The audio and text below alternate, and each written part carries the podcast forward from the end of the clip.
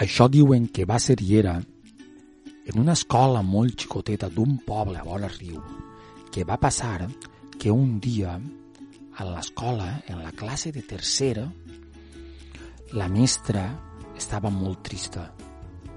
A l'hora de l'assemblea, cada volta entraven a les 9 del matí feien una assemblea i tots parlaven de les seves coses. Eixe dia, la mestra, crec que li dien Imma, però no ho sé cert, estava trista.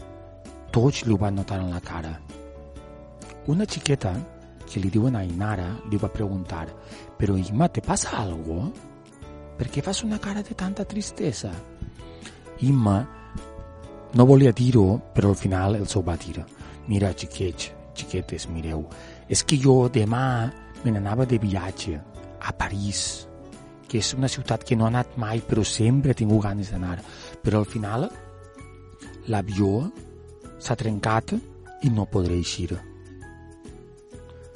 La tristesa de la mestra es va transmetre a tots els xiquets i a tots es va saber molt mal perquè s'estimaven molt tots en la classe. La classe va continuar quan acabaren l'assemblea. Una xiqueta que li Elsa va reunir a totes les xiquetes, només que eren cinc, perquè era una classe molt xicoteta. Les cinc xiquetes i Elsa li va dir a totes reunió secreta a les 12 en el vàter de les xiques.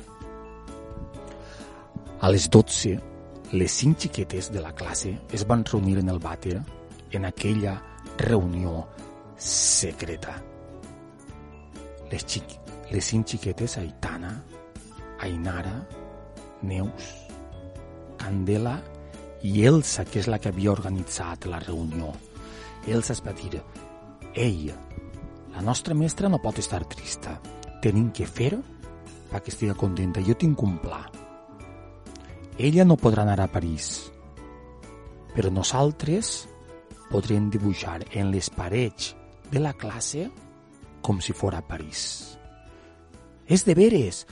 Podem dibuixar, això ho va dir Neus, podem dibuixar la Torre Eiffel, podem dibuixar l'Arc del Triomf, i així, quan entre demà a classe, és com si estiguera a París, perquè podrà veure els edificis tan xulos que no ha vist mai es podrà veure des de classe. Serà tota la nostra classe, serà a París.